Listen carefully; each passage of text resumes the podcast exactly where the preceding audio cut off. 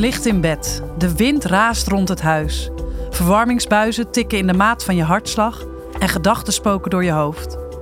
Ik zal deze vakantie vast weer veel werkmail krijgen. Of die samenwerking in het team die vreet me op. Maar ga ik dat durven zeggen? Hoi, ik ben Lopke en heel leuk dat je luistert naar Avondraad, een podcast van Zilveren Kruis.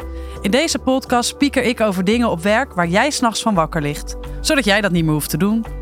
Elke aflevering ga ik op zoek naar een situatie die iemand stress geeft en praat ik met een expert die kan helpen, zodat jij een plan hebt en weer gerust kunt slapen. Want ook dat telt mee voor je gezondheid. Hallo Opke, Marijke hier. Ik ben HR-manager en ik kan je hulp wel gebruiken. Ik loop tegen het volgende aan. Ik probeer namelijk een aantal veranderingen door te voeren binnen ons bedrijf.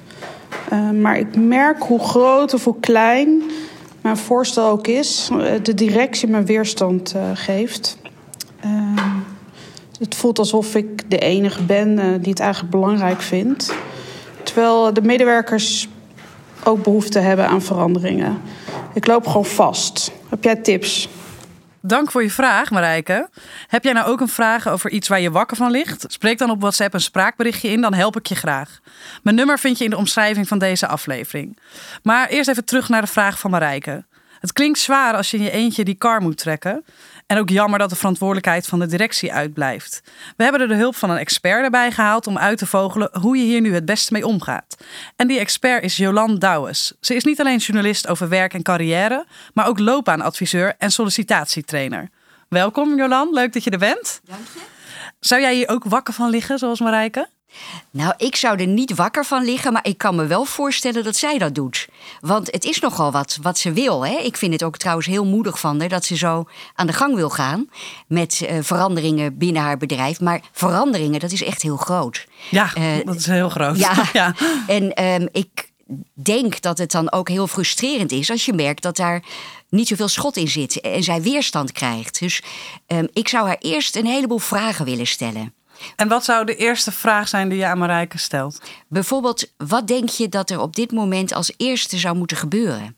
He, welke verandering willen de mensen op de werkvloer ook het liefst doorvoeren? Wat zou jij bijvoorbeeld zelf als verandering willen doorvoeren als je kijkt naar de, jouw eigen organisatie? Uh, nou, ik heb bij een organisatie gewerkt waar heel veel vergaderd werd. En dat is iets wat ik wel graag wilde veranderen. Omdat ik daar ja, niet echt gelukkig van werd en ook niet de energie uithaalde. Ja. Nou, dat kan ik me heel goed voorstellen. En dan is het heel erg belangrijk dat je strategisch te werk gaat.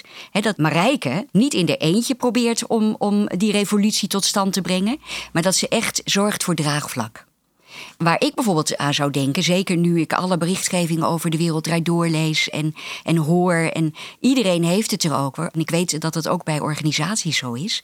Ik zou, als ik Marijke was, willen checken hoe zit het met de veiligheid op de werkvloer bij ons maken mensen bij ons wel eens mee dat er uh, een bullebak boven ze staat die ze intimideert, waar ze bang voor zijn. Dat lijkt me op dit moment ontzettend actueel. Ja, en, en waar begin je dan, zeg maar? Want, want hoe kom je erachter? Dit is dan misschien iets wat je wil uitzoeken, maar wat zou dan een eerste stap voor Marijke kunnen zijn? Feiten zijn ontzettend belangrijk om ook zo'n managementteam te overtuigen. Dus het, het eerste wat ik er zou aanraden was om sowieso met haar HR-team te kijken of ze dit onderwerp op de agenda kunnen zetten. Uh, bijvoorbeeld door een medewerkersonderzoek te doen, een enquête, waar ook goede vragen staan over dit onderwerp. laten we het even hierop toespitsen. Maar er zijn mm natuurlijk heel veel meer onderwerpen. Wat jij noemt is ook een hele belangrijk onderwerp. Flexibel werken is ook zoiets. Um, mensen willen ook meer diversiteit op de werkvloer. Nou, zo zijn er allerlei onderwerpen waar Marijke mee aan de gang kan gaan. Maar uh, stapje voor stapje zou ik zeggen. Nou, als we, als we dit nou even uh, als onderwerp houden, dan lijkt me als eerste dus dat onderzoek daarnaar goed. En dan kan ze ook kijken hoe andere organisaties dat gedaan hebben. Ze hoeft niet zelf het wiel helemaal uit te vinden. Dat kost ontzettend veel tijd. Uh, maar ze kan ook vragen overnemen van andere organisaties die dat al hebben gepeild. Ja, want zij merkt dus weerstand bij de directie. Dus jij denkt dat je met data en feiten dan een directie meer kunt overtuigen? Ja. Ja. ja, want als je kan zeggen, um, dit zijn de cijfers, hier kan je bijna niet meer omheen, dan kan ik me voorstellen dat zo'n directie ook denkt, ja, dan moeten we ook wel. Want anders lopen mensen weg bijvoorbeeld. En dat willen ze in deze tijd van personeelschaarste ook niet. Nee, daar worden ze misschien dan een beetje door wakker geschud. Ja. Denkt, hey, als dat het gevolg is, moeten we echt nu iets gaan doen. Ja. Het klinkt wel als veel werk, zeg maar. Ja. Het is- Verandering kost altijd veel werk. Ja. Dus daarom is het ook goed om echt een strategisch plan te bedenken. Eerst die feiten te gaan verzamelen. Niet alleen bij zo'n enquête, waarbij het ook echt noodzakelijk is dat mensen anoniem kunnen antwoorden. Ik sprak gisteren nog een ehm, vertrouwenspersoon en die vertelde dat, eh, dat er niet voor niks argwaan bij is. Over is bij medewerkers. Of het echt wel anoniem is. Want hij hoort wel eens terug dat mensen dan horen van hun leidinggevende. Nou, onze afdeling heeft ontzettend slecht gescoord. Vertel maar eens, Ja. waar ligt dat aan? En dan moeten mensen alsnog. Eh, terwijl ze dat helemaal niet aan hun leidinggevende willen vertellen. Dus dat kan soms heel vervelend Dan is het dus op persoonsniveau waarschijnlijk wel anoniem, maar niet op afdelingsniveau. Ja, Ja. wat het natuurlijk, hoe kleiner je afdeling is, ook eh, ja, wat opener maakt. Ja, ja. ja. dus dan is het ook belangrijk dat je eh, met sleutelfiguren binnen de organisaties een soort interviews houdt. Dat je ze vertrouwelijk vraagt: vertel eens, hoe, hoe vind jij dan hoe het gaat? En dat is best wel lastig vanuit een HR-rol. Want eh, HR zit altijd tussen het, het managementteam en de werkvloer in. En ze hebben vaak een faciliterende rol, een adviserende rol. En Marijke is echt een hele goede HR-adviseur, denk ik. Want die, die wil iets veranderen. Maar het is ontzettend moeilijk vanuit die positie om eh, die, eh, die macht eigenlijk ook te hebben. Ja, ja. En want eh, het is natuurlijk heel actueel, hè, de vraag die Marijke stelt. Eh, vanuit jouw ervaring zijn er bepaalde best practices die je haar ja, mee kunt inspireren of mee kunt geven? Zeker. Sowieso kan ze, kan ze boeken lezen over dit onderwerp. Ehm, Ik heb net zelf het boek gelezen, De Menselijke Organisatie van Marion Boré. Ze geeft daarin ook allerlei tips om eh, aan de gang te gaan, om een organisatie menselijker te maken. Ehm, maar ze kan, ze kan ook praktijkvoorbeelden van andere organisaties bekijken. Of eh, met ze aan de praat raken over hoe zij het hebben aangepakt. Nou, ook weer over dit onderwerp heb ik, eh, heb ik laatst een ehm, vitaliteitsmanager geïnterviewd bij ING. Bij ING zijn ze echt al heel ver op het gebied van het veilig maken van de werkvloer. Dat is echt nog steeds iets waar ze mee door blijven gaan, omdat dat nooit af is. Dus ze blijven mensen herinneren vanuit die afdeling dat ze eh, daar alert op moeten zijn.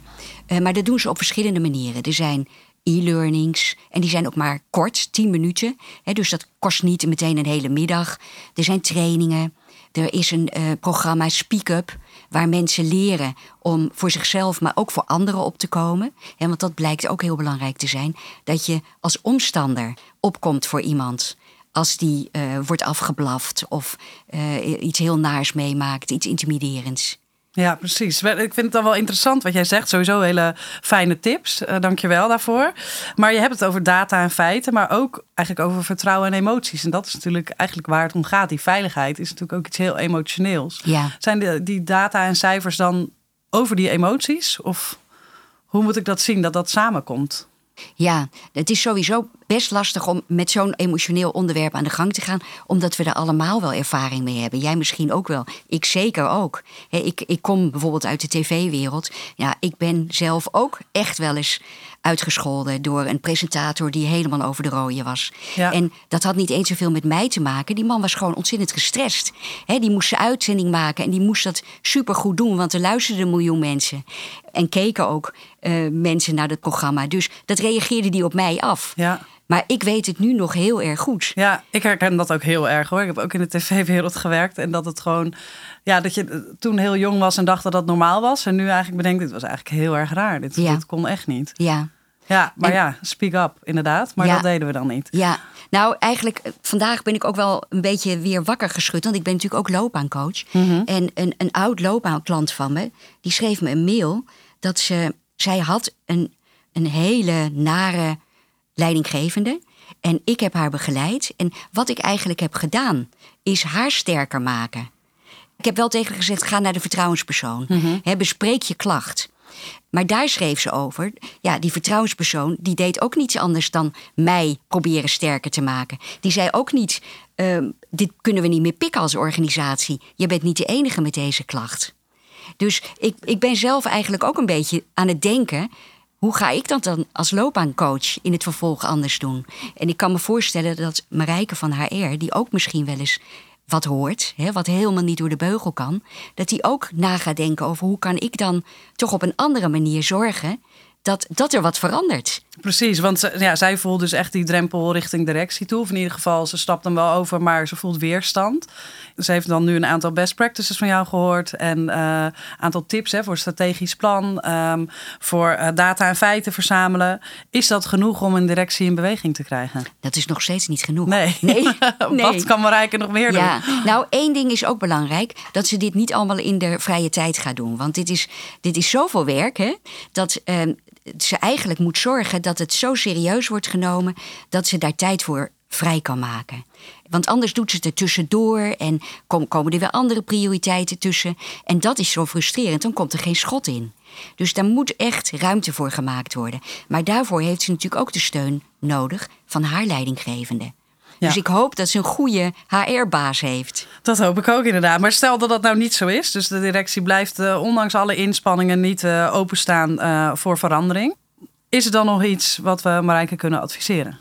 Als ze echt alles heeft uitgeprobeerd, er is nog meer mogelijk. Hè? Um, maar als ze echt denkt van ja, maar nu loop ik tegen een muur op, dan zou ik bijna zeggen: ga daar weg. Ja.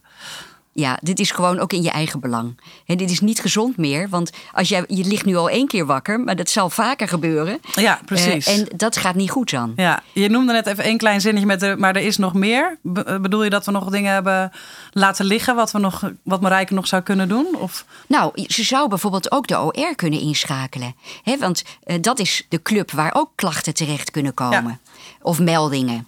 Even voor degene die niet weet waar OR voor staat, kan je dat uitleggen? De OR is de ondernemingsraad en die heb je als je meer dan 100 medewerkers bij een organisatie hebt. En als ze die OR ook aan haar kant krijgt en die gaat er ook voor pleiten, dan komen er al van verschillende kanten hele sterke signalen bij, bij dat managementteam dat er echt een verandering moet komen. Nou, dus behalve het OR zijn er natuurlijk ook leidinggevenden die er wel achter staan. Dat kan bijna niet anders. Nee, dus het lijkt me ook ja, inderdaad heel onlogisch dat ze echt de enige is. Nee, ja. dat, dat, zo voelt ze het natuurlijk op dit ja. moment. En dat is heel logisch.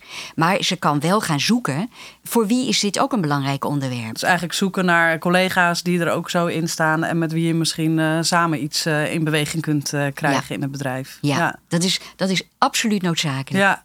Ja, want het klinkt alsof dit misschien alleen gebeurt bij, uh, bij bedrijven die, die bijvoorbeeld klein zijn of die nog niet zo ver ontwikkeld zijn. Maar ik hoor toch ook om me heen, juist bij grote bedrijven die misschien heel modern lijken, maar dit ja. toch nog niet uh, op orde hebben. Ja. Herken jij dat ook? Zeker. En je bedoelt met dit nog de, de onveilige werksfeer? Ja, en, en ja. dus gewoon als directie niet echt openstaan voor verandering voor de gezondheid van de medewerkers. Nou, ik merk wel dat die directie wel moet in deze mm -hmm. tijd. Ja. Want wie wil er nou bij een hiërarchische, traditionele organisatie werken? Uh, nee, ik niet. Ik ook niet. Nee, ik wil juist dat, dat zo'n organisatie innovatief is en open staat voor, voor, voor nieuwe ideeën en die juist omarmt. Ja. Dus ik zou bijna zeggen, wegwezen dan. Ja, precies. Ja. En, want, want, er want is, die zijn er echt wel. Ja, die zijn er zeker. En ook in deze tijd, hè, er is, dat weten die hiërarchische, traditionele bedrijven ook. Ze hebben concurrentie van bedrijven die een veel mooier aanbod doen. Ja, klopt. Ja. En als ik het even kort samenvat voor Marijke, dan is het dus verzamel data en feiten hè, als onderdeel van een strategisch plan. Doe onderzoek bij medewerkers en. Um, ja, zorg dat je dit uh, niet in je vrije tijd doet. En zorg dat dit echt een project is waar je de tijd uh, voor krijgt.